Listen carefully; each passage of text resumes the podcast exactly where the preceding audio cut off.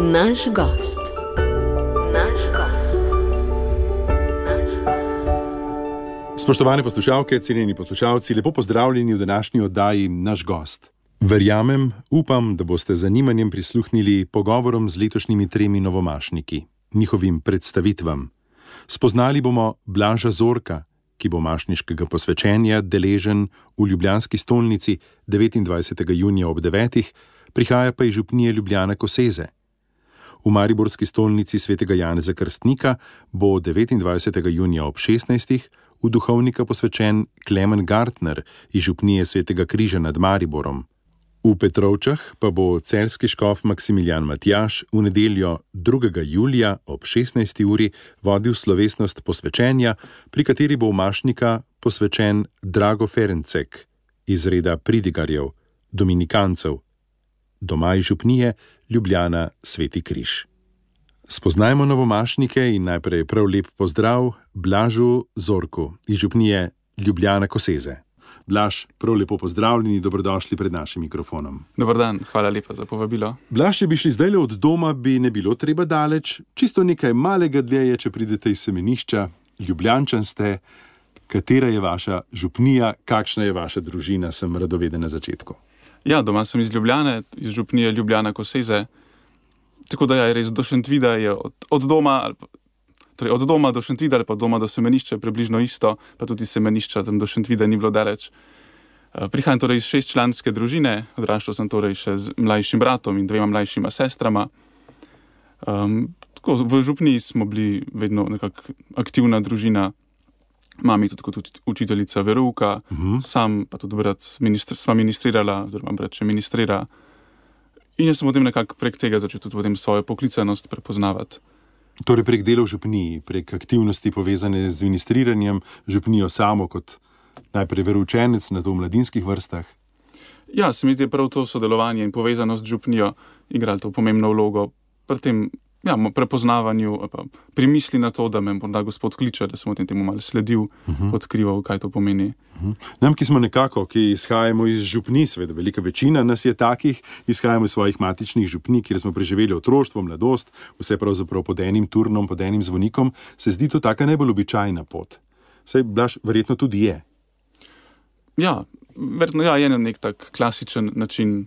Marsikdo ima pač tako zgodbo poklicanosti, uh -huh. da že v družini in v župni, tudi ob ministriranju in podobnih stvarih prepoznava, odkriva to poklicanost. Je pa res, da marsikdo preba tudi z drugačno zgodbo, kar je tudi potem obogatitev. No, tako za nas, ki smo mogoče vajeni bolj tega enega oskega pogleda ali pa bolj smo vajeni funkcionirati znotraj neke take zaprte krščanske skupnosti v družini in v župniji. Uh -huh. Potem dobiti stik še z nekom drugim, ki je pa mogoče ni bil tako zelo upet v to, pa mogoče ima drugače lahko na vse to skupaj gleda.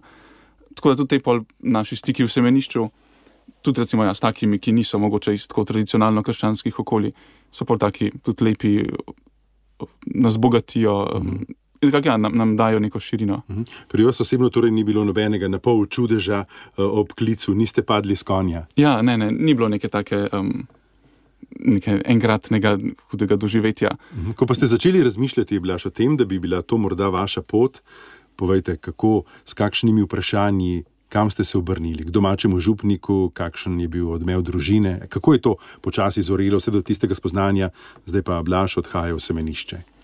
Pravzaprav dolgo niti nisem kaj dosti o tem govoril, um, bolj se je to malo meni gnetlo, raslo.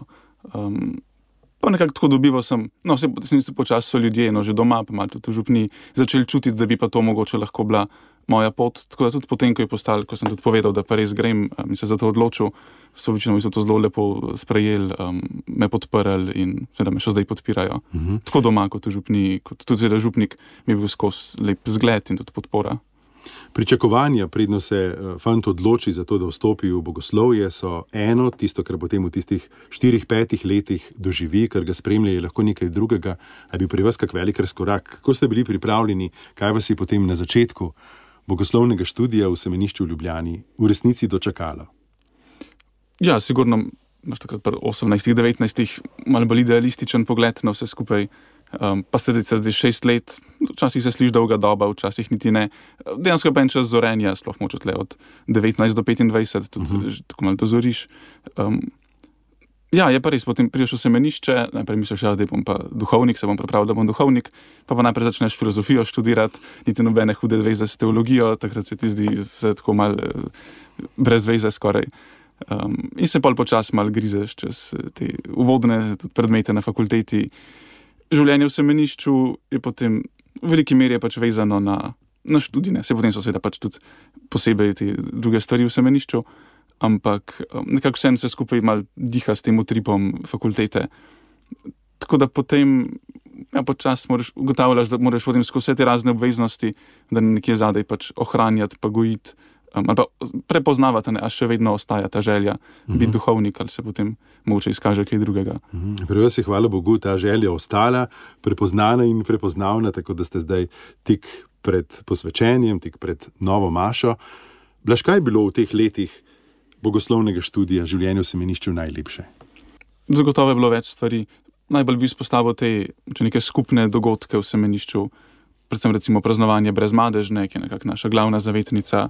Imamo potem vedno devetdnevnico pred praznikom, pa potem tako slovesno praznovanje. Uh mhm. -huh. Postanemo tudi v prvem letniku člani tako imenovane marine kongregacije, tam so potem na ta sprejem povabljeni um, tudi naši starši, prijatelji v zadnjem času, tudi ker nas je pač toliko manj, da potem lahko hiša toliko več gostov sprejme.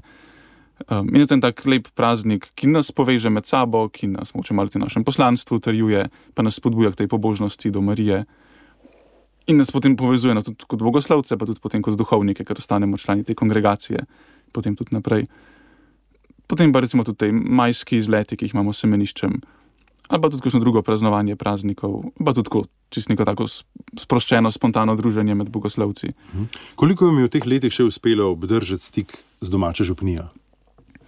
Se mi zdi, da kar precej, že zato, ker sem pač blizu, ker v bistvu iz centra v Koseze pač ni daleč, ne se da tudi peš z avtobusom ali pa z avtom, je pa sploh hitro. Um, Dej, no, sigurno pa pač sem bil dosti manj doma kot pa prej. Tud, nekak, no, mogoče bi lahko bil še več doma, kot sem bil, počasi tudi namenoma nisem, malo že zato, ker tudi drugi niso, malo pa tudi zato, ker pač sem vsem v župni pač zrastel, ohranil seveda lepe spomine in povezanost. Nisem pa zdaj pač več bil doma v župni, sem videl pač mm. moje mesto, semenišče, pa druge župnije, kamor sem potem naprej bil poslan. Um, sem pa seveda povezan tudi z župljani, z župnikom um, in zdaj tudi tako se mi zdi, tudi župnija lepo pripravi na novo mašo skupaj stopila. Mhm. No, pri novi maši, pri petju nove maše se vedno spozna tudi ta povezanost družine, seveda vse od korenin naprej, kako je družina spremljala zdaj to vašo rast, zorenje. Družina je tudi lepo sprejela že vse skupaj na začetku in tudi skozi so mi dali vedeti, da, se, da me podpirajo na tej poti, da so veseli, pa hkrati, da če bi se premislil, se vedno lahko domov vrnem, da me pač sprejemajo, da ni zdaj, da mi nekaj nekaj določajo, da kaj moram, kaj, kaj smem, kaj ne smem. Uh mhm. -huh. Tako danes poznavamo prvega od treh bogoslovcev, Blaž Zorko je z menoj v studiu pred našim mikrofonom. Blaž, omenili ste potem že to pot v času bogoslovnega študija po župnijah, kjer je bilo nekaj, zdaj ne vem, mi bi lajki rekli prakse, v času uh, diakonskega leta je to verjetno še kako drugače poimenovano. Pa me zanima, kakšni so bili ti koraki, kaj ste spoznali. Ali je v vas zdaj tudi ta želja delati v pastorali, ali ste morda bolj študiozen tip, kam mislite, vas bo odneslo. Vem, predstojniki so tisti, ki bodo rekli, kako in kam naprej, ampak kaj vse so dale te župnije zdaj mlademu Blažu Zorku. Ja, bilo je kar nekaj teh pastoralnih izkušenj, nekako dve glavni, ki jo pač v tem času študija in vzgoje doživimo. Je, eno v četrtem letniku, ker smo za celo leto na eni župni ja. za vikendih. To je bilo v mojem času, torej ko sem bil četrti letnik, je bilo to tisto koronsko leto 2021-2022. Bil sem sicer v dobu pri domžalah, ampak tam sem bil, tako no, imel sem veliko druženja z župnikom, kar mi je tudi v bistvu veliko pomagalo, me spodbudilo, uh mhm. -huh. torej gospod Jure Ferleš je ja. to bil.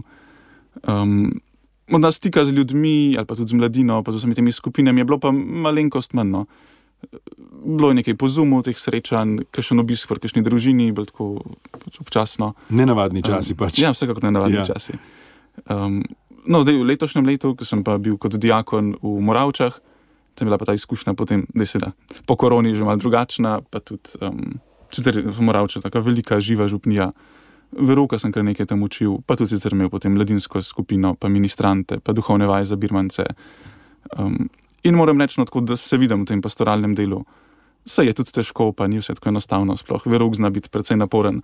Um, ampak se mi zdi, da je pač to nekako tisto kjer lahko najbolj prepoznavam svoje duhovništvo. Pa končno, tudi ko sem se odločil za duhovništvo, se nisem zato, da bi bil nekje v neki pisarni ali pa kot nek profesor, ampak zato, da bi bil pač kot, kot smo župnik na župniji. Je pa res po drugi strani, da pač po ne postavljate nekih meja, da ne bi pa mogel še kaj drugega početi, ali pa um, morda tudi še na študiju ali pa kaj drugega, še v nadaljevanju. Ni čisto izključeno, ne? ampak uh -huh. se, kot ste rekli, vse nekako tudi v dogovoru s predstojniki. Uh -huh. Zdaj, kot mladega dejavnega delavca v pastorali, malo kot mladega duhovnika, vas sprašujem, kaj je po vašem tisto, kar boste želeli dati mladim?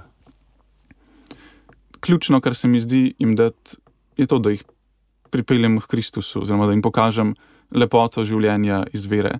Ne se marsikdo, ki je v župniji kot mlad, moče nekaj tega že ima ali pa že ve, da to hoče. Marsikdo pa se je v župniji, je moče v neki skupini, kjer mu je prijetno.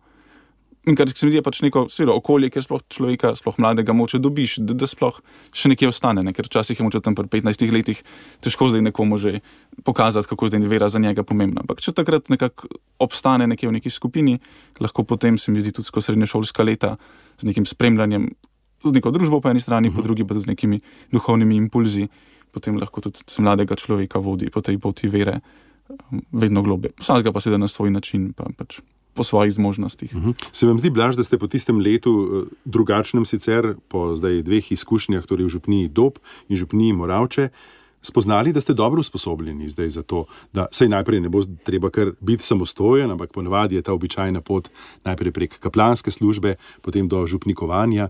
Kaj rečete? A bo življenje tisto, ki bo učilo, kako se je pokazalo zdaj, recimo v Moravčah? Bolj se mi zdi, da to no. Po eni strani ti da pa ta izkušnja neko no, malo te spodbudi, kaj ni ponižnosti, ko pač vidiš, da ne znaš stvari. Da, tudi če v teoriji nekaj veš, da je v praksi to malo drugače. Ampak po drugi strani pa tudi da potem lahko nek pogum, da se vendarle nekaj da, pa da imaš ljudi, na katere se lahko obrneš, kakšnega župnika, se da za nasvet vprašati. In ja, nekaj bo potem pač življenje učilo, pa mislim, da bo šlo potem tudi kot kaplan in uh. -huh. ostale stvari. Pogosto je slišati, ko se pogovarjamo, mi že malo sivih ali pa oni res sivih las, da govorijo, kako se življenje spreminja, kako je svet drugačen, tudi naše župnije, kako je bilo včasih s spoštovanjem duhovnikov, kako je danes drugače. Kako kot mlad fant zaenkrat s kolarjem doživljate to družbo, Blaž? Tako se mi zdi, da je ta pestra družščina duhovnikov, že različnih starosti, različnih uh, značajev, različnih življenjskih izkušenj. Ja. Um, pa se mi zdi tako, no, velikrat vidim, da kljub tej različnosti uspejo tudi neki ali sobivati ali pa vsaj sodelovati, se tudi povezovati med sabo. Tako, in sem tudi vesel, da v naši načkofi je tudi precej mladih duhovnikov, kar pomeni, da tudi mladi imamo lahko potem neko svojo družbo znotraj pač te večje družbe duhovnikov. Um, se mi pač pomeni, no, to, se znati povezovati, znati se spoštovati, zdaj jih z vsakim biti prijatelj, vemo tudi sicer ne, ni, ni jih. Včasih je zelo težko, no. uh mhm. -huh. pa se mi zdi, niti ni nujno. No. Bolje je to, da znamo drug drugega spoštovati, mu priznati tisto, kar ima pač pozitivne lastnosti, sposobnosti. Um, pa pač imeti ja, neko temeljno spoštovanje drug do drugega. Uh mhm. -huh. No, spoštovanje med vami, seveda, ne dvomimo, kaj pa spoštovanje uh, javnosti, lajške, srečevanje recimo v Ljubljani uh, z mladimi, ki recimo veri niso blizu, pa vas vidijo, pa začutijo vaše pričevanje. S tem imam mogoče mečkar manj izkušen zaenkrat. Ja. Pa tudi, ko razmišljam, se mi zdi, da dejansko duhovnik velikokrat živi bolj v nekem pač. Bolj kot nezaprtem katoliškem krogu, ker je pa znotraj župnije, znotraj tistih skupin, ki so tam, pa končno tudi vsak, ko vidi duhovnika, pa če ve, da je duhovnik, pač ima potem neko predstavo o njem, kot o duhovniku, pa recimo ve, kaj ga dati, kaj ne bi on zagovarjal, kako ne bi živel. Ne. Morda je tukaj bolj izziv, morda prav za vas lajke, ki ste pa sred sveta, ki imate še toliko bolj stik z vsemi, ki pač imate lahko. Zdaj imamo tudi mi prijatelje, tako in drugačne, ampak moče so naši prijatelji vsem uh mhm. -huh. bolj vezani na ta katoliški prostor, um, kot pa recimo na nekega čist navadnega nedeljnika. Recimo. No, pa se mi zdi vse en izziv, ja, ne, tudi končno s kolarjem po centru Ljubljane. Je lahko tudi lepa izkušnja, no, ko tako pozdravljam, tam hvaljen Jezus. Pa moče reči, ti ne bi, ne, lahko pa ne stani spodbuda za nekoga vernega, ja. ki gre tam po cesti, pa vidi nekaj, ne vem, duhovnika ali pa tudi redovnico, pa nekoga, ki upa tudi z obleko pričevati. In je to lahko spodbuda tudi temu človeku, vernemu, za to vero, da to on upa pokazati ali pa da reče, ja, sej nas je nekaj tudi kristijanov ne v tem svetu. Uh mhm. -huh. Nevernim je pa tudi verjetno lahko nek pokazatelj, češ ne sej, tudi kristijani so, pa tudi upajo nekaj si pokazati. Oziroma, če drugo ne, ne, smo pač neka demokratična, pluralna družba, pa se mi zdi, pač zauzemimo vsaj ta svoj delež. Ne. Nismo mogoče res več neka avtoriteta za družbo kot tako, ampak Um, če smo pa kot družba pluralni in demokratični in odprti, imamo pa sigurno tudi vsaj tisto neko svoje mesto znotraj tega, tudi kristijani in pač tudi duhovniki. Uh -huh. Blaž Zorko, kakšno razliko ste opazili zdaj v tem uh, delu diakona v Moravčah, na seveda lahko rečemo podeželski župniji, v primerjavi vem, z Ljubljansko, s Kosezami, odkuder izhajate, ali s kako župnijo v centru, kjer ste bili zdaj bogoslovec? A je velika razlika, se vam zdi, da je utrip drugačen? Ja, utrip je vsekakor drugačen. Na podeželju se mi zdi, tako tudi če niso ljudje tako zelo verni, pa, no, nekateri so seveda zelo verni, nekateri malo manj, nekateri bolj oddaljeni, nekateri niti ne, ampak vse je nekako župnija tam en pomemben dejavnik v tem družbenem življenju. Recimo, že predvsej to pove, da je bil župnik v Moravčah letos za častnega občana občine Moravče eh, izbran, imenovan. Uh mhm. -huh. Skratka, pač tam živi župnija skupaj s tem družbenim življenjem in tudi ljudje so pač aktivni politiki v družbi, v župniji na tej lokalni ravni. Ne. Tako da je tukaj ena ta povezanost in pač to daje pa en, en utrip župniji, medtem ko recimo neka mestna župnija je včeraj toliko bolj vezana osko na tisto pastoralo, kjer pa mogoče res vedno bolj prihajajo samo še ljudje, ki pa zares vejo, zakaj so tam. Ne. Če moče nekje na podeželju, so tudi neke tradicije kar dobro, se včasih rečemo, ja, je to pa samo tradicija, samo folklora, to je pa brez veze. Se mi zdi, je to lahko neka vstopna točka ne, za marsikoga, da vendarle ohranja nek stik uh -huh. s skupnostjo in tudi z Bogom posredno. V mestu pač tega praktično ni. Je pač, kdor je bolj, ko ne ve, zakaj je, pa tudi če ne čisto procentno, ampak vsekakor se mi zdi bolj kot na, na podeželju. Uh mhm. -huh. Torej, prek teh spoznanj, prek omenjenega dela, se zdaj res bližate posvečenju dnevu, ki ga, povejte, nestrpno pričakujete, ali je v vas veliko neznank, kaj strahu, ali je veselje in radost tista, ki vse prevlada. So res mečkaj mešani občutki, ampak s njim na koncu vse ne prevlada to veselje, ker končno tudi. Um, imam ceremonjerja, dva, pa potem domači župnik se je zelo angažiral. Samo pa, naša. Pa družina. Uh -huh. Tako da ja, so pač različni ljudje bolj vključeni v te priprave. Tako da sem si pač rekel, bo naredil, verjamem, da bo lepo. Um, jaz pa tudi želim, pač, da bi to res bil čim lepši praznik za me, pa ne sicer samo za me, tudi za župnijo, za vse, ki bodo pač tam. In se niti nočem preveč obremenjevati s tem, kaj bo, kako bo, a bo, a ne bo. Verjamem, da bo in se pač tega veselim. -huh. Kaj pa neposredna priprava na samo posvečenje? Vem, da ste pravkar prišli z duhovnih vaj. Ja, to je sigurno en pomembnejši del te zadnje priprave, te same duhovne vaje, ki so bile prejšnji teden. Zdaj imam pravzaprav nekaj teh še manjših drobnadi, ki jih moram pa sam postoriti, recimo pred novo mašo, že kakšne darilce za goste pripraviti uh mhm. -huh. ali pa podobice urediti, pa take stvari. Uh. -huh. Praš, kako je z maš novomašnim geslom, kaj je tisto, kar vas bo vodilo po vaši poti? Kako ste ga izbrali? Torej, izbral sem misel iz druge euharistične molitve, tam po posvetitvi duhovnik moli naš prevod je sicer, da smemo biti tu pred teboj in ti služiti. Mi smo zdaj potem latinski original, oziroma ga potem pač direkt prevedel kot stati pred teboj in ti služiti. To zapravo me je to nagovorilo že nekaj let nazaj, ko sem nek članek od papeža, pokojnega papeža Benedikta XVI. prebiral, ki je razlagal pač nekaj misli, ki so njega spremljale ob pripravi na duhovništvo in med drugim tudi prav ta citat: stati pred teboj in ti služiti. Pa me je to že takrat nagovorilo. Nisem pa prav zares pomislil, da bi to imel za geslo. Pač mi je bilo blizu, me je nekaj časa spremljalo, pa potem mogoče malo zadnji nekaj ostalo. Potem so se pa te stvari nekako tako išle. No, pa, pa nisem nekega drugega, boljšega gesla, recimo, dobil, pa nisem neke druge ideje, kaj zdaj imeti. Potem je bilo pa še to, ne, da je zdaj ravno papež umrl po zimi. In pa no, še druga podrobnost, ki mi je dela pomembna, da ta euharistična molitev ima pravzaprav korenine že tam v tretjem stoletju. Jaz sem v svoji magisterski se ukvarjal s svetim Ciprijanom, ki je pa isto deloval v tretjem stoletju. Uh mhm. -huh. In tudi sem se ukvarjal z Euharistijo pri svetem Ciprijanu in pa se mi je nekako to nekako lepo skupaj poklopilo, da sem rekel, no pa zakaj pa res ne bi pol tega vzel. Kaj drugega nisem imel, preko sebi so to res lepa zadeva, pa se mi tako izraža nekako bistvo tudi duhovniškega služenja, poslanstva. Da tam je mogoče mišljeno bolj, torej stati pred njim, pred gospodom, pri, pri maši, pri Euharistiji ampak smeri vsekakor duhovnikovo življenje ne bi celo bilo eno tako stanje v molitvi, pa tudi pač v neki tej drži, življenje v božji navzočnosti pred Gospodom, po eni strani kot nek posrednik za ljudi, nekdo, ki prinaša ljudi pred Boga in prosi za njih, mhm. po drugi strani pa kot človek, ki pač stoji pred Bogom, gleda, posluša, meditira, da potem to, kar prejema, lahko potem naprej oznanja. In iz tega se potem to služenje rojevane, ki je na, posredovanje za ljudi in ki je potem prinašanje Boga ljudem v molitvi, v oznanjevanju, v, v podeljevanju zakramentov in pač na druge načine, kjer duhovnik stopa v stik z ljudmi.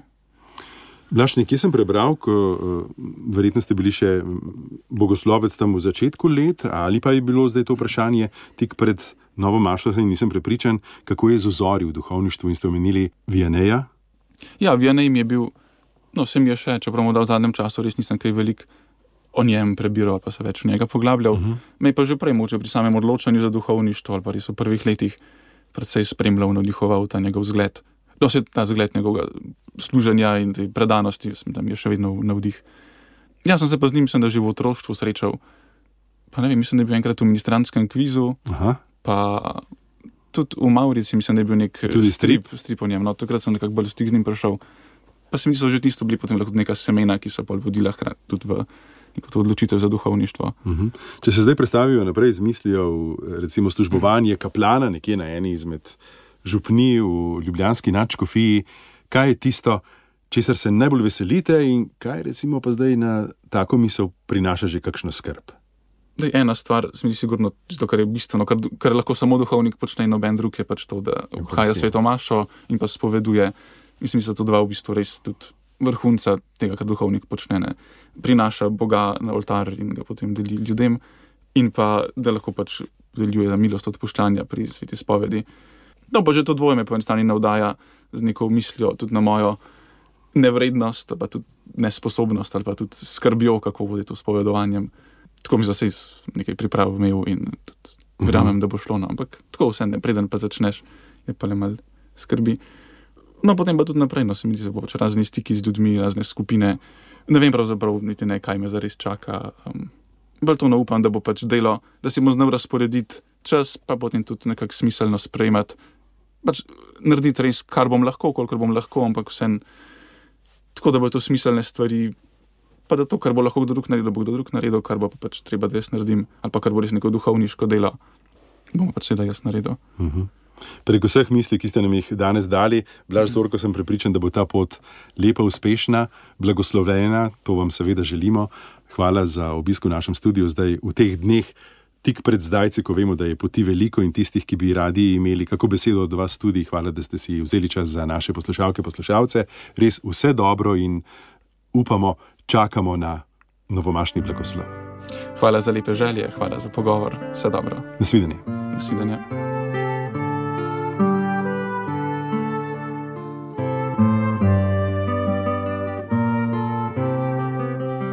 Nadaljevanju naše oddaje naš gost danes, spoštovane poslušalke, cenjeni poslušalci, ko spoznavamo tri novomašnike na slovenski nivi, v našem slovenskem vinogradu, pa bi lahko zapeli tudi tisto Pojdem na Štajersko, ker bomo res odšli zdaj le na Štajersko in prav lepo pozdravljam zdaj le Klemena Gartnerja, ki je moj naslednji sogovornik. Klemen, lepo pozdravljeni, dobrodošli. Lep dober dan tudi vam in poslušalkam in poslušalcem vašega radia. Tudi Mariborska načkofija se bo torej veselila nove maše, veselila posvečenja. Vi osebno ste zdaj tik pred tem, koliko veselja, radosti je v vas zdaj nekaj dni pred praznikom svetih Petra in Pavla. Um, v meni je seveda veliko veselje, na drugi strani pa tudi pomirjenost, um, hvaležnost, pa še kaj bi se našlo. Kar se pa načkofije tiče, veste pa, uh, ima načkofija, in, ki jo sestavljajo seveda ljudje, ima pa veliko, veliko razlogov za veselje vsak dan. Vsak dan, tudi zaradi vseh delavcev, ki so mnogoteri, ampak kar se duhovnih poklicev tiče, tudi sem mislil na to veselje, smo pa zdaj v teh časih res veseli prav vsakega pastirja. To je res. In podobno kot duhovnikov, smo veseli tudi prav vsakega lajka, ki se trudi živeti svetniško življenje in sledi Bogu. Even v naših oddajah naš gost, seveda, spoznavamo življenjsko pot, sogovornika. Zdaj nas zanima ta pot, ki vas je najprej pripeljala do odločitve prikimati in reči: Da, gospodu. Kakšna je bila ta pot? Omenil sem Štajersko, zdaj bi lahko omenil Maribor, ampak sem prebral v vašem enem kratkem zapisu v času bogoslovja, ko so vas spraševali, kdo ste, odkot ste. Ste rekli: majhen in glasen. Z Mariborskega podeželja, tako lepa, zanimiva kombinacija vsega. Uh, ja, svojo pot, življenjsko pot, moja življenjska pot je res zaznamovana z um, Mariborom. Um, prihajam iz okolice Maribora, iz župnije Sveti Križ nad Mariborom. To je pravzaprav še mestna občina Maribor in je tudi dekanija Maribor. Um, ampak e, je pa to podeželje, v bližini cerkve se pasejo krave, recimo, in mhm. podobno. Um, gre za Mariborsko podeželje, 20 minut iz centra mesta. Um, zdaj, če pogledam tako čez celo svoje življenje, kako je prišlo do tega, da sem tukaj, kjer sem. Šlo je za to, da sem bil deležen veliko, veliko ljubezni in sprejetosti. Najprej v svoji domači družini, um, potem tudi znotraj župnije, v cerkvi, uh, pa med prijatelji, in to mi je dalo misliti. Seveda pa sem bil tudi vedno znova domač z Bogom v osebni molitvi. In potem, ko človek tako pogleda nazaj na svoje življenje, si reče: Ja, kaj bi pa počel, kaj pa pomeni to, da sem bil deležen toliko ljubezni in sprejetosti. Jaz bi tudi to rad dajal naprej. In na začetku se mi je samo zdelo, ali pa sem se spraševal o tem, ali je morda pa duhovništvo tisto, kar je Bog pripravil za me, da sem lahko jaz najbolj jaz. In sem rekel, bom preveril, in sem na poti formacije, izobraževanja, priprave to preveril, in zdaj stojim tukaj pred uh, vami in pred cenjeno Mariborsko načkofijo, kot ste vi tako na začetku lepo rekli, in um, prosim za to, da me posvetijo. In um, če crkva razpozna, in crkva očitno razpoznala, da sem tega vreden. Potem Bog da, da bi se posvečanje tudi zgodilo. Je bila ta pot podobno običajna, kot smo prej slišali pri bogoslovcu Novomašniku Blažu, tako običajna, brez tistega omenil sem že prej, paca s konja ali enega razsvetljenja, ko bi se tudi drugim pokazalo, aha, eh, Klemen je izbran. Um, zdaj, um, jaz ne jaham, malo se hecam, um, malo za šalo. Um, poglejte, um, jaz nisem doživel nadnaravnih znamenj uh, ali kakršnih koli podobnih božjih čudežev, jaz pač ne. Uh, šlo je za vsakdanje življenje, ki me je pač izzivalo in nagovarjalo. Pa še eno stvar, morda to nisem prej omenil. Veste, ko se človek življen, sprašuje o življenjskem poslanstvu, igra zelo pomembno vlogo tudi to, kar ste vi omenili čisto na začetku - veselje. Jaz sem bil pač v družbi eh, cerkve, v družbi Boga, če smem tako reči, uh mhm. -huh. vedno vesel, to me je veselilo. In to je tudi eden od kriterijev. To veselje je bilo potem predano tudi skupini animatorjev. Sem razbral, da je bilo to animatorstvo, verjetno še v domači župniji, nekaj, kar vas je veselilo, kar vas je vleklo naprej, kar je prinašalo tudi nova spoznanja. Ja, pri tem veselju seveda ne gre za to, da se človek ne nekno smeji in, in pač pokavice, recimo, ampak gre za eno tako. No, notranje veselje, ki pa se seveda tudi kaže na zunaj. In ja, kot sem že rekel, ta sprejetost v župniji, domačnost v župniji se je kazala pri različnih skupinah. Jaz sem bil eh, že od zelo malih let ministrant, potem seveda sem sodeloval tudi pri animatorjih, ki so v župniji Kamnica. Um, to je sosedna župnija od naše, zdaj to spada pod en pod eno tako pastoralno celoto, zaradi pomankanja duhovnikov, en župnik upravlja obe župniji. Mhm. No, in seveda med, med animatorji sem se tudi počutil zelo domače. Pri nas v Kamnici so animatorji zelo povezani tudi z Kolpingovim združenjem. Um, tukaj gre za eno združenje, ki izvira iz Nemčije. In seveda, potem je tudi Kolpingova mladina in tako. Um, Na različne načine, med, eh, v različnih župnijskih in medžupnijskih skupinah, sem začutil to sprejetost in domačnost. Uh mhm. -huh. In tam v tistih letih odločitve, zdaj na različnih prehodih, no, naj, največji je ta verjetno za osnovno šolo, potem naprej, odločitev že za srednjo šolo, pa potem semenišče. Niste bili nikoli v kakih hudih dvomih, ni bilo opcije B, ki bi potem se umaknila tej A, postati duhovnik. Dvomi so del vsakdanjega življenja. Vse pri meni. Človek nikoli ne more biti sto odstotno prepričan. Zaradi tega, ker je to vera. In vera je tudi zaupanje. In kljub dvomom, ki so, um, jaz zaupam in verjamem um, v tistega, ki me je poklical. In seveda, zdaj, to, to zveni strašno, strašno pobožno. V času srednje šole gotovo to pač ni bilo tako pobožno formulirano. Gotovo sem se spraševal o različnih stvareh, ja. gotovo sem se spraševal o različnih možnostih svojega življenja, hkrati so mi tudi drugi, recimo, dajali zanimive ideje o tem, mm, kako in kaj in kje. Ampak ne vem, nekako sem imel znotraj sebe, jaz bi rad probal in preveril ali je pa morda Bog za me pripravil načrt v duhovništvu. Mhm. In ko ste doma povedali, da bi šli radi na ta test, ali je Bog pripravil za vaš načrt pot, ki jo zdaj spoznavamo in vidimo, kaj so rekli domači, je bilo to tudi običajno sprejeto, kot pri vas rekli ste, da ste to kar pač živeli, doživeli in šli naprej po tej poti. So doma tudi rekli, ali so bili kaj v dvomih, jih je kaj skrbelo, kako so sprejeli vaše odločitve? Um, jaz lahko rečem to, da, da sem neizmerno hvaležen, neskončno sem hvaležen, da sem na koncu slišal besede mojih staršev in končno tudi moje mlajše sestre, čeprav no, je, je pač bila takrat še pre, eh, pre, res precej mlajša. Uh mhm. -huh. Letos pa je že maturantka in, in tudi njej želim obilo blagoslova na nadaljni študijski poti. No, ampak torej, skrajno sem bil vesel in hvaležen Bogu in staršema, da sta mi rekla: Poglej, če ti misliš, da boš v tem srečen, te mi dva podpirava. Če pa si boš premislil, pa si seveda pri nas doma še vedno dobrodošel. In to mi je potem dalo tudi neko, um, kot bi se reklo, tudi nek dodaten kanček, ja, drznil si bom reči, svobode. Uh mhm. -huh. Tako Klemen Gartner, ki je eden treh letošnjih novomašnikov, Klemen, potem je bila pot tudi običajna, nadaljevati jo je bilo treba študijem, tu vmes je tudi Rim in Germanik.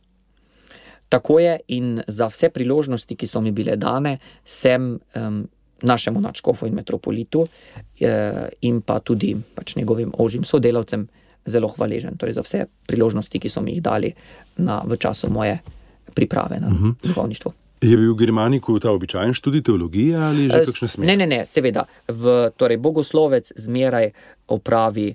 Uh, temeljni študij teologije, temeljni študij filozofije, najprej in potem teologije, ki se pač zaključi eh, to v, na Papeški univerzi, Gregorijani rečejo, uh mhm. -huh. bakalaureato, ne, uh, ker oni imajo nekoliko drugačen sistem, ki ni popolnoma bolonski, bi se uh mhm. -huh. temu reklo. Uh mhm. -huh. In potem iz Germanika pot nazaj v Maribor, v Maribor, kjer ste zdaj pravzaprav že kar pri svojem pastoralnem in drugačnem delu, še pred posvečenjem. Um, ja, jaz sem potem, ko sem um, nekako zaokrožil svoja tri leta v. Germaniku in Rimu, um, prišel v Maribor in nekako je gospod Načkov videl priložnost, da bi sodeloval z zavodom Antona Martina Slomška, da bi živel na zavodu Antona Martina Slomška v Mariboru, um, da bi bil duhovni asistent na, uh, v osnovni šoli, vrtu in pa seveda v Dijaškem domu Antona Martina Slomška. Uh mhm. -huh. In tukaj sem zdaj že, že dve leti in zdaj si bom drznil reči eno stvar. Veste, ne samo da mi je lepo ne samo, da so moji dnevi blagoslovljeni, jaz neizmerno uživam, res uživam na zavodu Antona Martina Slomška, dobesedno uživam. uživam. Kaj je tisto, kar prinese to veselje, ta užitek? Uh, gre za to, gre za zelo različne stvari. Najprej za to, da me ljudje tam sprejemajo, da dobro sodelujemo, odlično sodelujemo. To ne pomeni, da se vedno vsem strinjamo, ampak to pomeni, da znamo tudi odločno razpravljati, eh, da znamo tudi soočati svoje mnenja.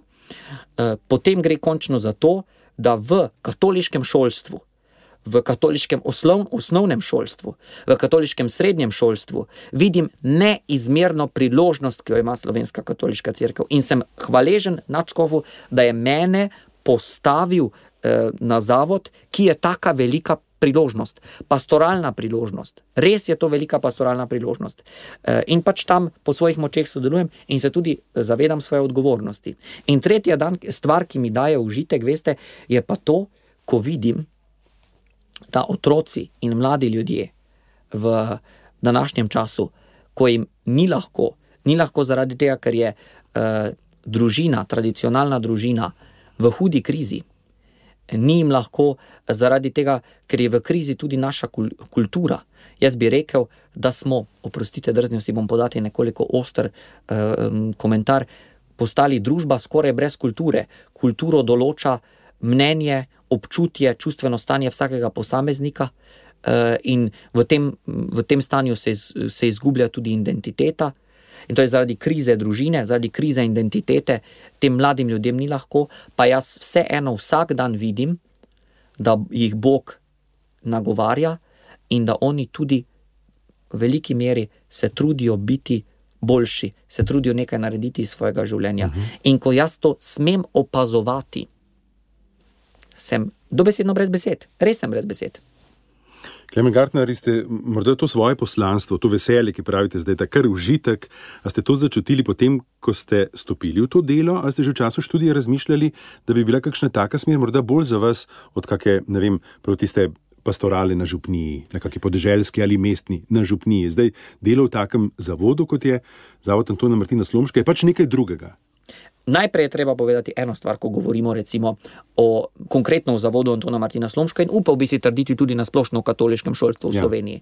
Glejte, te mlade ljudi, otroke in mlade ljudi, ki jih mi uh, uh, tja sprejmemo, ki potrkajo na naša vrata, ti mladi ljudje, mnogi med njimi, imajo že izkušnjo, vsaj neko izkušnjo župnije.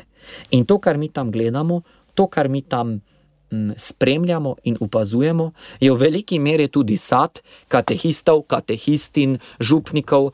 Tu in tam je tudi še kakšen kaplan, ki pa jih ni več dosti dan ja. danes. Torej, to je sad teh ljudi, ki se na, župniji, na župnijah trudijo eh, biti z mladimi in posredovati eh, veselo oznanilo Jezusa Kristusa in pač z njimi, z njimi ustrajajo. To je seveda tudi sad njihovih družin in tako naprej. In um, jaz bi rekel tako, jaz se nisem. Uh, pretirano spraševal o tem, hm, katero pastoralno mesto pa ja. bi bilo za me najbolj primerno. To je pač padlo iz nebes, bom rekel, kot božja, pravič, pravi, pre, kot božja previdnost.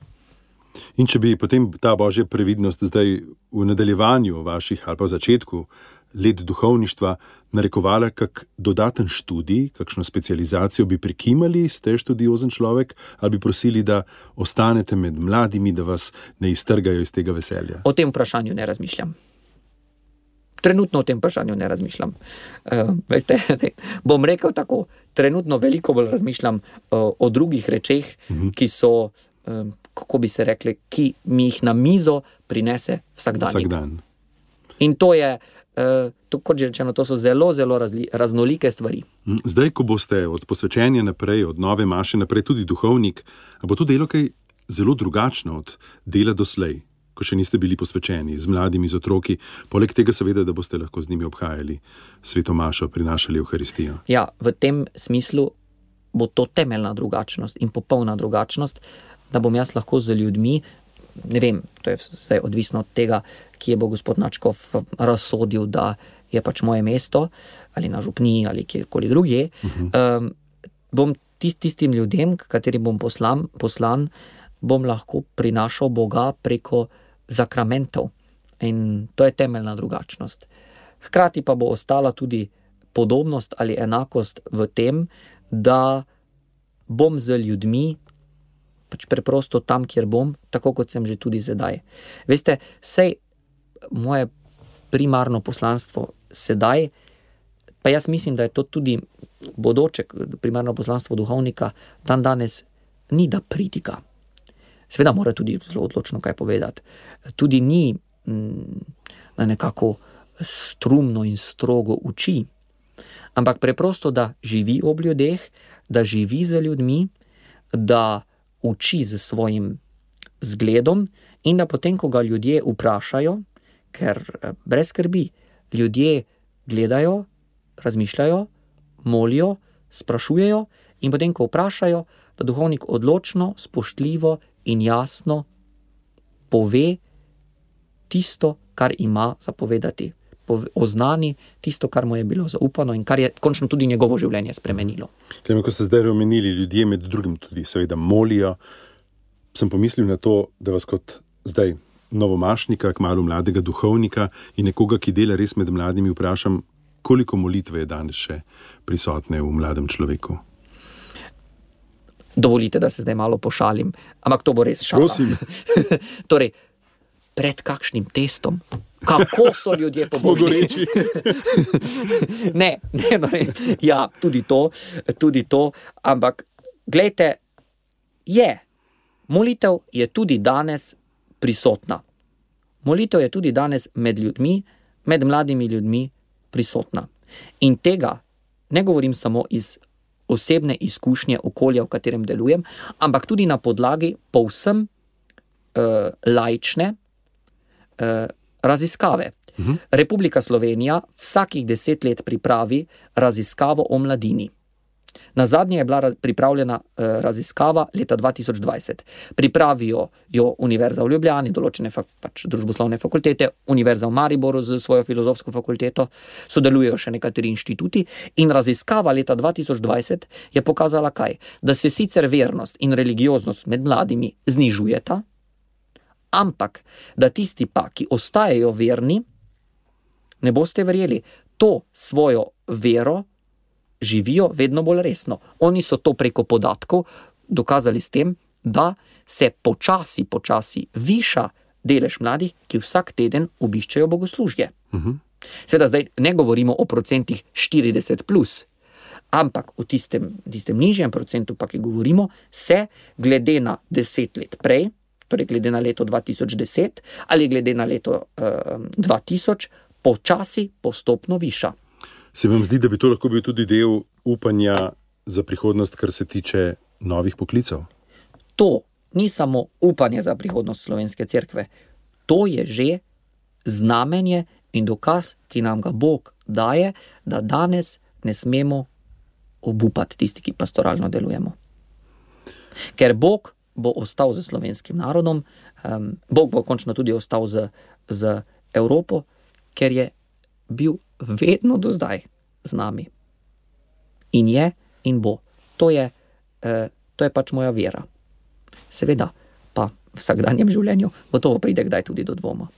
Klemen Gartner pravi, da se ustavijo tudi pri vašem novomašnem geslu. Kaj vas je zaznamovalo, kaj vas bo vodilo? Mm, izbral sem izsek iz hvalnice Bogu Najvišjemu, ki jo je pisal Frančišek Kasiški za svojega redovnega brata Leona. Um, in sicer tisti izsek, ko Frančišek Kasiški Boga opiše kot milino. Torej, moje novomašno geslo je: Ti si milina. Sicer um, verjamem, da bodo nekateri poslušalci, posebej tisti, ki jim je pri srcu uh, Frančiškova duhovnost, uh, dejali, da mi v slovenščini poznamo drug prevod in sicer ti si nežnost. Uh, to, je, to je res, ampak jaz sem vseeno izbral prevod ti si milina, um, ker je ta milina nekako na svoj način bolj, bolj povedna, čeprav je tudi izraz nežnost zelo bogat. Kako dobro ste, če pogledate vase, zdaj pripravljeni na posvečenje? Klemen, so za vami kakšne intenzivne, prav zdaj v zadnjem času, recimo duhovne vaje, razmišljanja. Seveda so vsa leta, leta priprave, ampak zdaj, ko ste tik pred ne ciljem, ampak začetkom, je pa kakšen ta pogled? Veste, uh, seveda sem upravil duhovne vaje, um, um, seveda potekajo vse formalne priprave. Duhovništvo je tako velik dar, da na najverjetneje nikoli ne bom popolnoma pripravljen, vse jasne. Ampak Bog me pripravlja vsak dan znova. Konkreten primer. Um, tu in tam pomagam kakemu dijaku v kakšni učni zagati. Recimo pri matematiki ali pa pri zgodovini ali pa pri katerem drugem predmetu. In Bog me pripravlja na duhovništvo tudi skozi to pomoč, recimo konkretno, ko sem tik pred tem, da bi ponorel, pa mi uspe, da, da se zadržim in potem na koncu tista naloga, kar sama od sebe najde rešitev. In to je, tu, tukaj si potem rečem, vidite, to pa je vsak dan znova priprava na življenje in tudi priprava na duhovništvo. Kar se nove maše tiče, vem, da imajo te glavne niti same organizacije, tiste nedelje za vas tako zelo posebne v rokah drugi, da je tu ceremonjer, da je tu domača župnija, da je domači župnik. Koliko ste kaj v navezi z njimi, koliko vas tista nedelja skrbi, kaj tisto nedeljo pričakujete v tej zunanji slovesnosti, še pred tistimi, ki se veselijo z vami?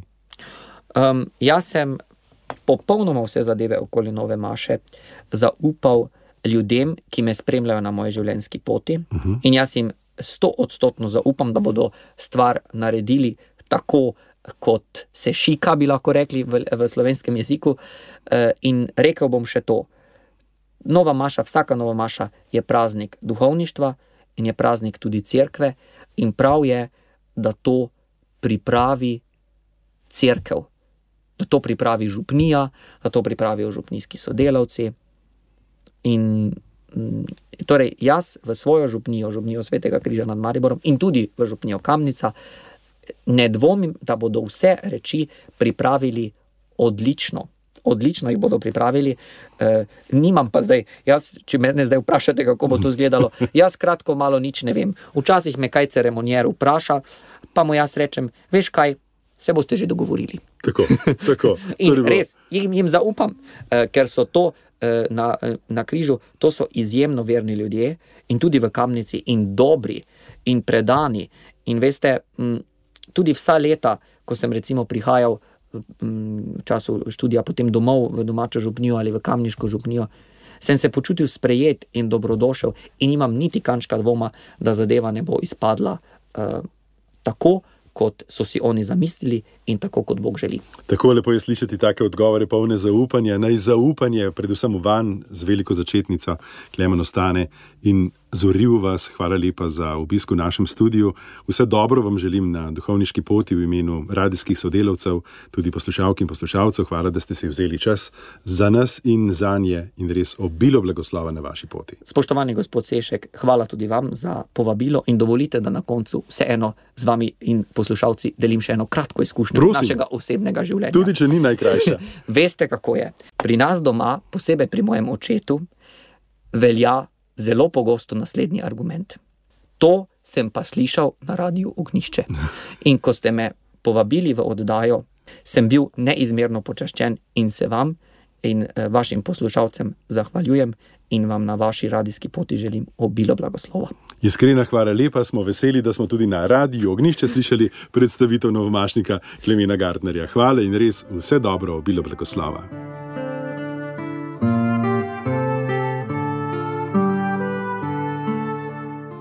Prvo prihajam iz družine, ki ni bila verna, že to je kar dosti velika redkost pri bodočih duhovnikih.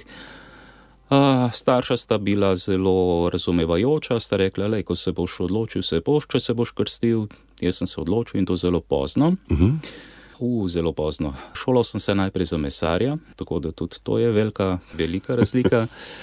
Takrat je prišlo tudi, tudi do nekakšnega odpora do vere. Pel sem v black metal bendu, tako da moja pot je bila kar precej trnava. Potem sem se šolal še za živilskega tehnika, končal filozofijo v Ljubljani. In naslov moje diplomske naloge je bila Iluminacija v Augustinovi filozofiji. Očitno me je takrat nekaj navdihnilo in sem uh, poklical na žale v domačo župnijo. Javil se mi je gospod Tomaš Prelovšek, sem ga vprašal, ali lahko pridem na katehumenat. Je rekel, ja, pridi, ne, naslednji teden začnemo. In sem prišel in je šlo tako lepo počasi naprej. Torej, pri katerih letih? 33. 33. 33 letih sem se krstil, tako da sem že kar v letih. Sem ravno želel omeniti, da ohranja eh, tudi novomašni predblagoslov, zdaj zaenkrat to mladost. Tako, tako. Pri 33, torej te odločitve, uh Mhm. -huh. ki so bile danes pred novo mašo, vidite, zelo dobre in prave. tako. Ja, hvala Bogu. No. Torej, prihajate iz, zdaj omenili ste Mhm. Sveti Križ, jaz nekajkrat Ljubljano, iz ljubljanske družine, Tako. ki vas kako podpira danes, zdaj po teh letih prehojenih ovinkov. Zelo zanimivo, ampak eh, so zelo odprti, še posebno mama, ki tudi ni, ni verna, je krčena, ni verna, ampak me na vsakem koraku me podpira. No. Oče je že deset let mrtev, uh -huh. mm, ostali člani družine tudi, tako da prijetno presenečen. No. Mhm. Predrago, potem, ko ste stopili v neokatehumenat in prikimali Mhm, gospodu, je bila verjetno pot precej drugačna od tiste, omenili ste že, seveda, ne Mhm, more drugače biti kot po vsem povedanem. Tako, tako. A ste vstopili s takim navdušenjem, s tako vero, da niste pogrešali ničesar iz tistega obdobja prej, a je bilo težko pravzaprav zdaj vstopiti v en povsem drugačen, tudi tak obče človeški ritem? Mhm. Uh, sploh, sploh ni bilo težko, ker um, če malo opišem pot, ne, uh, gospod Prelovšek me je vprašal na začetku, a bi bral pri Maši, sem rekel bi. A bi kdaj še pripravil za mašo, bi, a bi še crkvo odklepal, zaklepal bi. In potem sta prišla druga duhovnika, Alek Cviter in Petr Možina, uh -huh. sem še nadaljeval pri njih. In takrat sem sam pri sebi rekel, ja, lej, če, že, če že to delam, ne, zakaj pa ne bi šlo še kar malo naprej. Ne? In takrat sem poklical benediktince, kar je dovolj razlika z dominikanci. Uh, pogovarjal sem se z opatom, je šlo vse lepo naprej. Potem je pa rekel, da je novicijat bo pa v Salzburgu. Ne? Se pa rekel, jo, jaz pa nemščina, to pa, to pa ne bo šlo. Ne? Uh -huh. In mi je, takrat mi je v roke prišla knjiga od uh, Bušeja, Sveti Dominik, kjer je Pater Vanči, Ivan Arzenšek, na koncu napisal, če kakšnega brata zanima, ne, ne pride pogledat. Ne. Sem rekel, ja, lej, ni problema, pokličem. Ja, prva reakcija patra je bilo, a se hecaš. Ne. Klical sem pa 8. augusta, ravno na svetega Dominika. Vedoč, da je svet, god svetega Dominika. Pojma nisem imel takrat. In je rekel, ja, pridi, ne, pridi. In sem prišel, in oni, kar je strahom, rekel, joj, veš, uh, novicijant pa v Dubrovniku. Sem rekel, ja, super, ne, wow, ne. In uh, tako, da, uh, morje, uh, tako da je šlo kar brez vsadskega odpora, ni bilo treba nobenega reza, mi šlo kar kako po vodi, po maslu. Brat, drago, kako da so mhm. vas, uh, če rečem, privlačili, pritegnili, da je zanimanje vzbudilo življenje redovnikov, ne, ne škofijskih duhovnikov, ja, ja, recimo, ja. da ste imeli z njimi najprej in močan stik. Tako, uh, do, dosti sem bral o meniškem življenju, menihih, ker na začetku so me menihi privlačili, ne? lepo tišina, molitev, delo. Ampak s časom, ko človek poskusi neke stvari, vidi, da sem videl, da so bolj redovniki za me, Mal, malce bolj odprti, se gre lahko tudi kdaj ven, kaj, kaj, malo večje svobode pri mhm. redovnikih. Uh -huh. In uh, to, to, me, to me je privlačilo. Mhm. Škofijski duhovniki so pa bolj kot ne škofijski samotarji. Pri redovnikih je le nekakšno skupno življenje, čeprav nažalost imamo tudi mi krizo poklicov zdaj in imamo samostane, kjer sta po eden pa dva. Mhm. Kot v Petrovčah. Kot v Petrovčah. Uh, Tako da zdaj, zdaj razlike so manjše. Uh mhm. -huh. V skupnosti, kjer je pa več bratov, tam se pa vidi, da je, vem, po mojem mnenju, življenje drugačno, za me boljše, za koga, ki je bolj samotarski, ne, ampak mene, mene bratsko življenje privlači. No. Hmm. Tako spoznavamo enega od letošnjih treh novomašnikov, brata Draga Ferenceka, ki je torej brat Dominikanec. Po posvečenju bo ta brat prišel v Patra, tako, drago je. ali ne? Ja, ja, ja, ja uh -huh. tako. Čeprav se vsi se imenujemo bratje, ne, uh mhm. -huh. ampak niso vsi bratje patri. Tako, kot razumemo v tem redovnem tako, življenju. Tako, tako. Uh, kakšen je bil pa takrat, ko ste se odločili za Dubrovnik, za res -huh. vstop v to življenje? Kakšen je bil pa odmev tistih prej? Torej, skupine, ne vem, recimo prijateljev iz glasbene skupine, sošolcev z fakultete. Tako, tako, nekateri so prekinili stik s menoj, ostali pa so kar lepo sprejeli, smo še vedno v stikih, Uh mhm. -huh. Nekateri so pa pač rekli, je hvala, adijo. Uh mhm. -huh. Jaz se pa tudi nisem preveč sakiral. Da, ja. Torej, že kot zrel ste vstopili v to življenje, uh mhm. -huh. kaj je bilo najtežje? Privaditi se na skupno življenje, na različnost nekaterih ljudi, tako kot vedno, ko prideš v neko novo okolje, se je treba privaditi. Ne? In zdaj, če si malo starejši, gre malo težje. Ampak je šlo. No to, uh, da bi pa kakšne druge težave bile, to pa, uh mhm. -huh. pa seveda študiranje v tujem jeziku, tako ker uh, sem se moral kar hitro naučiti hrvaško govoriti in študirati. uh mhm. -huh. In danes je hrvaščina. Kar gre. Kar, kar lahko vidimo, kot že eh, rečeno, na omenjenih posnetkih. Je pa zanimivo, da torej pridigate, tisti video posnetki so pač to, pridigate že kot bogoslovec, torej tako, še ne posvečeni. Tako. čeprav praviloma naj ne bi smeli. Ampak uh, te pridige, ki so posnete, jih pridigamo kot diakoni, uh mhm. -huh. tako da lahko ne, ker uh, bogoslovci naj ne bi. Ne. Uh mhm. -huh. Imamo pa vedno kot bogoslovci vaje v kapelici, kjer se vadi, tako da nas kar lepo nas pripravijo na pridiganje. Uh mhm. -huh. Torej, pridiganje je eden osnovnih predmetov, če rečem tako, v vašem študiju. Tako, tako. Ampak na fakulteti nažalost ne imamo pa interni, interni ha, ne bom rekel študij, ampak nekakšne tečaje, kjer se lepo uh -huh. postavi se v kapelico. Ponavadi so bile tako imenovane študentske maše. Ker se je pridigalo interno, samo bratom. Uh -huh. Predrago, glede na to, da ste predtem že končali, uspešno končali študij filozofije na Ljubljanski uh -huh. fakulteti, torej Univerzi v Ljubljani, uh -huh. potem odšli k sosedom v drug jezik in na povsem precej drugačne študije, povsem ne moreva reči, ker marsikaj si je gotovo tako, blizu. Tako, tako. Me zanima, kakšna je pa tu primerjava. Uh, moram reči, da je bila teologija celo lažja. Ker eh, študiral sem pri jezuitih na njihovi izpostavi Gregorjane, tam pride program iz Rima in se lepo gre, gre po tem programu. So profesori zelo razumevajoči, študij je bil odličen. Moram, re, moram pohvaliti celo neke profesorje, da boljših ljudi še nisem srečal. No. Uh -huh. Tako da medtem ko v Ljubljani je pa študij kot študij. Ne, uh -huh. Študij kot študij, tam pa nekaj drugega, Tam- nekaj več. Tam pa takoj povejo, da mi, mi hočemo duhovnike z vas narediti. Uh -huh. ne, so, so, vsaka čas je zuitom. No, tako, uh -huh. da, Mhm. Brat Drago, uh -huh. pred vami je zdaj nova Maša. tako je. Slovesnost, ki seveda zahteva veliko truda, od organizacijskega mm -hmm, do seveda predvsem vašega notranjega, uh, znova potrditi tisto odločitev, da gospod, mm -hmm, tukaj sem. Mm -hmm. Kakšni so te dnevi pred posvečenjem? Uh, eh, so kar napeti, uh, še posebno, ker sem kar pozno zvedel, da sploh bom posvečen pred dobrimi desetimi dnevi. ne.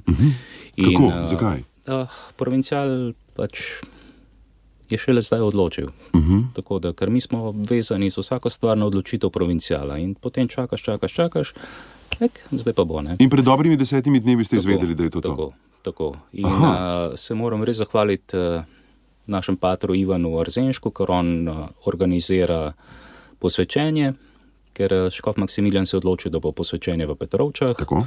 in je treba to vse organizirati. In Petru Možini, ki na žalah novo mašo organizira. Jaz pa bolj ne po telefonu pomagam, ker uh, še doskrat tudi tako le potujem v Zagreb, potujem po. Smo, mi smo kar dosti potujoči redno, tako da smo, smo kar mobilni. Posvečeni bo 2. julija Tako je. v Petrovčah. Tako Torej. je. Kaj pa nova Maša, pa geslo, tule smo vedno radovedni. Tako, a, nova maša bo pa 9.7. na Žalah v župniji Svetega križa. Geslo je pa zaupaj v Gospoda in delaj dobro. Psalm 37. Ponavadi tako po enih lepih spominih, verjamem tudi po mnogih doživetjih, tudi naših poslušalcev, so nove maše en tak dokaz povezanosti župnije. Mm -hmm. Ker ponavadi mm -hmm. novomašnik prihaja kot nekdo, ki je bil res zelo trdno upet, ne vem, od malega, tako na vseh, imamo eno tako idilično sliko. Pri vas bo pač drugače. Predvsej, predvsej drugače, ker uh, na župnijo sem prišel pozno. Uh -huh. Koliko pa ste ostali potem povezani z njo ali pa zdaj kot A, bogoslovec? Sej, to, to je velik problem, ker vmes je prišla še korona. Seveda. Tako da par let mene na župniji ni bilo. Se moram tudi upravičiti župljanom, ker eh, se pravi, tista leta, ko je bila korona, je bilo z Hrvaške težko prideti. Zdaj, zdaj le tole leto sem imel pa diakonsko leto, ker sem bil pa bolj nevezan na vlak. Uh -huh. In sem uh, vsak mesec večkrat v Zagreb, pa nazaj, pa gor, pa dol, tako da tudi za domačo župnijo ni bilo časa. Niti -huh. za dopust, niti za.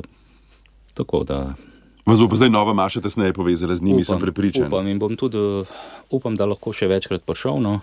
Um, je pa res, da spet podmladka nimamo, -huh. nekdo mora biti na župniji. Vse veste, kako gre. Uh -huh. Tako, da... Ja, poznamo tudi župljani O ja, te o ja. stiske in poti, pa tudi skrbi in seveda upanje v sebi. Brat, drago, zdaj po posvečenju, potem ko boste postali duhovnik, kako se bo poleg tega, seveda, da boste lahko maševali in prinašali Kristusa ljudem, da bo Euharistija del vašega življenja, še tesneje kot zdaj si predstavljam in vem, kako se bo spremenilo vaše življenje v samostanu v Petrovčah? Vem, da ne morete naprej, zdaj ne Tako, mislim na tako, jasnovidnost, ampak tako. če bi bilo tako, kot je običajno. Uh, predvsej več odgovornosti bo. Mm, ogromno odgovornosti, ker uh, tudi na škofiji je problem uh, z duhovniki, premalo jih je. Se zna se zgoditi, da bomo še kakšno župnijo morali prevzeti, uh -huh. še posebno zdaj, ko bova dva.